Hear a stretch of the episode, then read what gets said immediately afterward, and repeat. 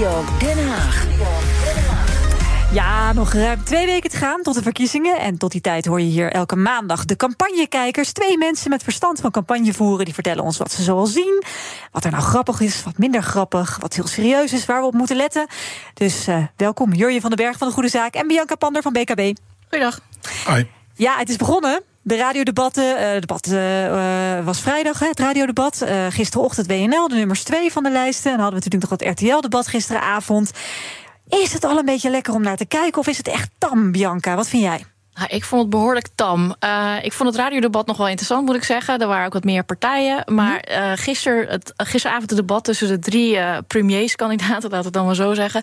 Ja, het bleef mat. Ze, gingen, ze vielen elkaar niet aan, ze vielen elkaar niet in de reden. Het was allemaal zo beleefd dat je soms ook denkt: ja, je moet een campagne gaat ook wel over het verschil goed uitleggen. en dat gewoon een voorproefje. Ja, maar is dit dan niet gewoon een voorproefje van de nieuwe bestuurscultuur waarin we wat meer aaien en wat minder hard op de man spelen? Ja, ik denk dat dat de analyse is van de partijen. Dat dit nieuwe politiek is en dat mensen daar ook zin in hebben. Maar aan de andere kant, na het kijken van het debat, wat echt ook heel lang duurde, vond ik. had ik nog steeds eigenlijk geen idee waar de partijen nu het verschil uh, ten opzichte van elkaar maken. Ah. En dat wil je. Je wil uiteindelijk toch kunnen kiezen van. Nee, ja, ik uh, vind de omzicht hier heel goed op en daar je Zilgus heel goed op. Maar ja, het bleef zo in het midden hangen allemaal. Ja. Jurjen, ze kunnen zo samen in de coalitie. Of uh, zie jij wel een beetje de verschillen? Nou, nee, en dat is het gekke, want die kiezer die zit hier wel op te wachten. We hebben eigenlijk de verkiezingen van 2021 gehad, waar na de, hand de balans opgemaakt werd.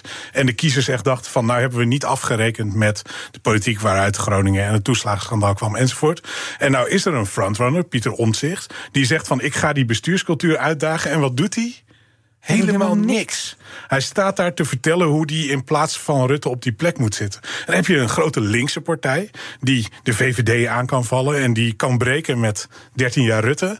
En wat doet hij? Hij gaat vertellen hoe hij zo goed een premier van het midden zou kunnen zijn. Hm. De kiezer die daarnaar zit te kijken, waarvan drie kwart nog op drift is, hè, die wordt dus niet bediend in dat debat. Maar we zagen dat natuurlijk ook uh, vroeger tussen Rutte en uh, Samson. Die gingen keihard op elkaar, maar die moesten het PvdA en VVD moesten later wel met elkaar regeren. Zijn ze eigenlijk niet stiekem al bezig met het regeren en niet met het debatteren? Ja, maar je moet eerst verkiezingen winnen voordat je kan regeren. Dus eh, ja, ik denk dat ze te veel zitten op we moeten straks ook nog samen door. En ik denk ook oprecht dat, dat heel veel uh, politici de analyse hebben gemaakt. Uh, we willen niet meer zo twee campanen tegenover elkaar, of drie campanen in dit geval. Maar je moet wel eerst verkiezingen winnen en je moet het verschil dus maken. Want ja. mensen moeten ook gemotiveerd worden Precies. om naar de stembus te gaan. Het is geen gegeven, we hebben geen stemplicht in Nederland. Dus je moet mensen wel motiveren van ja. oké, ik ga voor jou ga ik naar die stembus op. Maar dat zien jullie nu dus niet. Zie je wel uh, hele uh, positieve opvallende verschijningen? Dat iemand het heel erg goed doet, of juist misschien helemaal niet? Ja, wat mij, wat mij opvalt is het wordt spannend. Zo gauw dus een van die kleinere partijen wel doet wat die grote partijen nalaten. Dus bijvoorbeeld vorige week had je Volt, Laurens Dassen, die Pieter Omzicht aanviel. En ook echt heel flink aanviel. Zei van, dan gaan we 40 jaar terug in de tijd. Mhm. Mm -hmm. Nou, dat is het type, zeg maar, sweeping statements wat je nodig hebt. Uh, andere die opvalt, maar waar voorlopig in de peilingen nog geen, nog geen beloning op lijkt te zitten, is CDA van Henry Bontebal. Uh, ook heel duidelijk een partij die, die, die zegt uh, van, eh, wij gaan het helemaal anders doen en we gaan breken met ons verleden in het kabinet. En wat Ja. die twee bindt, is dat ze dus allebei, en daar, het sluit heel erg aan bij wat ik Bianca net hoor zeggen, zij gaan wel via de inhoud. En Ja. dat is uiteindelijk wel waar het over moet gaan. Ik bedoel, ik wil ook, hè, ik wil ook de leiderschapskwaliteiten van mensen zien. Maar Frans Timmermans deed een heel klein beetje in dit debat. Die kwam een heel klein beetje, zeg maar, zijn campagne had tegen, tegen hem gezegd: Frans, je moet ook vertellen waarom je premier wilt worden. Dus Ja. daar begon hij dan zijn antwoord telkens mee. Ja. En daarna zakte die weer weg in dat moerasje van ja, maar nu wil ik de premierskandidaat zijn. Dus het moet van de partijen die nu heel zenuwachtig worden, moet het komen om echt het vuur in de campagnetijd te Ja. brengen. Lukt het die kleine partijen, Bianca, om een beetje zichtbaar te zijn? Want ja, laten we eerlijk zijn, in de helft van de debatten worden ze niet uitgenodigd. Nee, klopt. Maar je ziet wel dat ze op allerlei andere manieren proberen te doen. Eh Bontebal zit ongeveer in elke talkshow die er is. Ik, ik zag net ook weer dat hij vanavond weer bij op één zit. Dus ze pakken wel echt hun momenten. Eh, en ik denk dat het ook best slim is voor zo'n eh, Henry Bontebal... om al die talkshows maar te pakken... en daar toch elke keer op die inhoud weer terug te komen. Eh, ja, zo'n, in zo'n interview met Dassen, dat is een voorbeeld.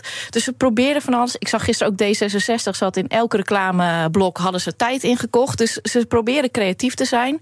Om er toch tussen te komen. Om toch tussen te komen. En ook BBB probeert het. Dus men is er allemaal wel mee bezig. Maar ja, die tv-tijd krijgen ze niet zomaar. Nee. Dan was er nog ineens afgelopen vrijdag toch een verrassingje. Jessielgus die liet ineens de PVV vallen. Terwijl ze natuurlijk eerst nog de mogelijkheid openhield voor een coalitie met die partij. We moeten strenger zijn op asiel en immigratie. En ik zeg u, als u dat echt wilt doen en u mensen u serieus moeten nemen, zeg ik u, kan dat alleen maar met de PVV. Ik heb nog geen één concreet voorstel van de PVV gezien die te doen is. Die überhaupt Nederland vooruitbrengt. Uh, dus als dat alsnog gaat komen, dan ben ik er heel benieuwd naar. In het programma staat echt niks wat dit land vooruitbrengt. Wat ervoor zorgt dat er minder mensen komen... terwijl we ook Nederlanders sterker maken en Nederland sterker maken. Eigenlijk zegt ze hier iets, Bianca, wat uh, best fel is. Maar ze, zegt het niet, ze brengt het niet heel fel.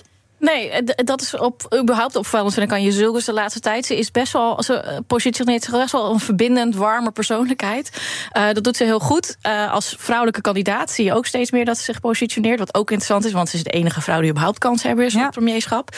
Um, maar ja, ze, ze, is ook heel duidelijk. En dat is ook, dit is ook duidelijk. Als zolang jij van die plannen hebt, ga ik niet met je samenwerken. Nee. En dat is wat, wat mensen ook graag willen. dan bij de VVD? Want uh, Jurjen, er was, we sluiten niemand uit. En hier wordt eigenlijk de PVV uitgesloten. Uh, One-liner is de hele tijd, we sluiten geen kiezers uit. Wat een soort van krankzinnig onderscheid is. Um, maar daar kwam ze dus hier ook een beetje op terug. En wat ik denk, is dat dit een reactie is op... de VVD peilt altijd intern enorm intensief wat er precies gebeurt. En de afgelopen tijd zag je de PVV winnen...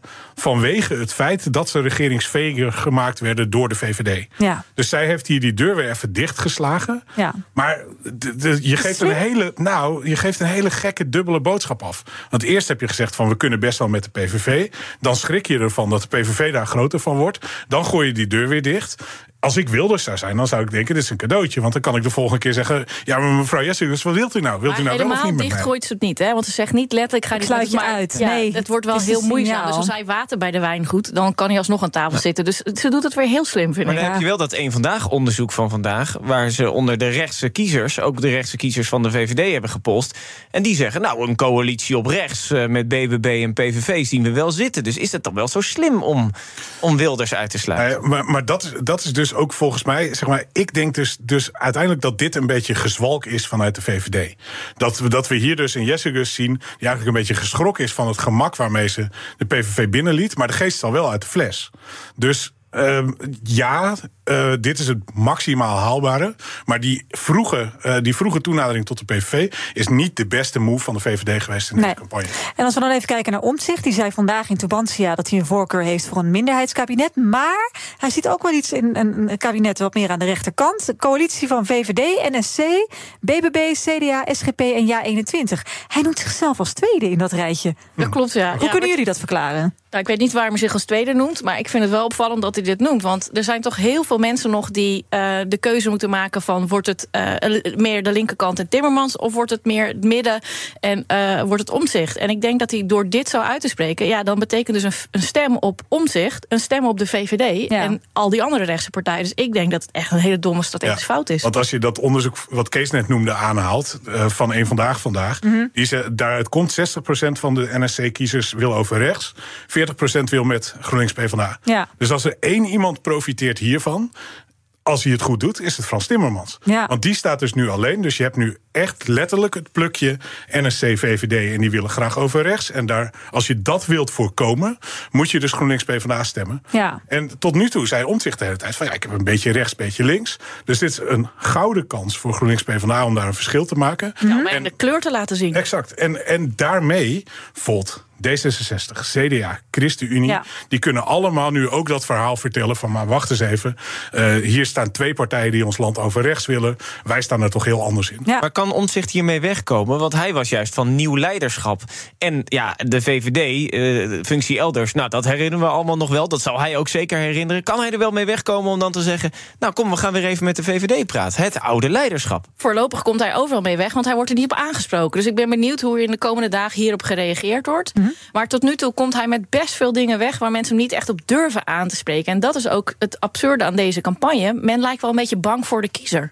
Dat je gewoon niet durft kleur te bekennen. Uh, ja, nou, en, ja, dat is echt absurd. En dat is ook grappig dat je dat zegt, want ook om zichzelf durft eigenlijk geen kleur te bekennen. Als we het hebben over de premiersvraag. Iedereen wil weten: stem ik nou op de nieuwe premier? en, en zo nee, wie is dan de premierskandidaat? Is toch ook wel fair om, om te weten. Waarom zegt hij niks en wanneer moet hij gaan kleur bekennen? Ja, kijk, bij, bij deze denk ik wel, tot nu toe heeft het hem echt geen windeieren gelegd om constant zijn eigen regie te houden en zijn eigen momentjes te pakken. Mm. Uh, dus dat hij nog zo lang, uh, zo lang uh, zwijgt over premier ja of nee, geeft hem gewoon in de laatste drie dagen nog een enorm mediamoment. Potentieel. Ja. Alleen er gebeurt nu wel iets. Ik denk echt dat wat hij vandaag bij Tubantia doet, ik lees dat toch echt als een fout. Hij kon er midden, midden tussenin blijven staan en laten zien van je kunt met mij rechtsom of linksom. Ja. En hij kiest nu toch echt wel. En daarmee wordt het dus moeilijker om zich te verhouden tot de VVD. Ja. En dan zou ik nu, als ik in zijn campagneteams zou zitten, zou ik denken van dan moet je nu dus ook door en echt de strijd met de VVD aan. Ja, um, waar gaan we op letten de komende week voordat we jullie weer spreken, Bianca? Ja, ik ga dit weekend ook weer kijken naar de, de, de debatten waar wat meer uh, partijen ook mogen aanschrijven. En mhm. ik ga kijken wat die kleine partijen allemaal doen aan, aan eigen acties en uh, regionale campagnes. Want ik rij af en toe wel eens door het land. En het valt me op dat het ook maar heel matig opgestart is. Dus er zijn weide borden in, uh, in weilanden. Dus ik ben heel erg benieuwd hoe kandidaten uit de regio hun punt gaan maken. Julian, wat wordt jouw hoogtepunt deze week?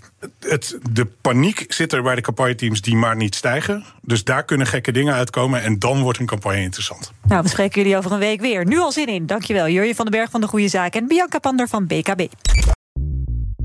Bij BNR ben je altijd als eerste op de hoogte van het laatste nieuws. Luister dagelijks live via internet. Bas van Werven. En heel langzaam komt de zon op rond dit tijdstip. Je krijgt inzicht in de dag die komt op BNR, het Binnenhof in Nederland en de rest van de wereld. De Ochtendspits. Voor de beste start van je werkdag. Blijf scherp en mis niets.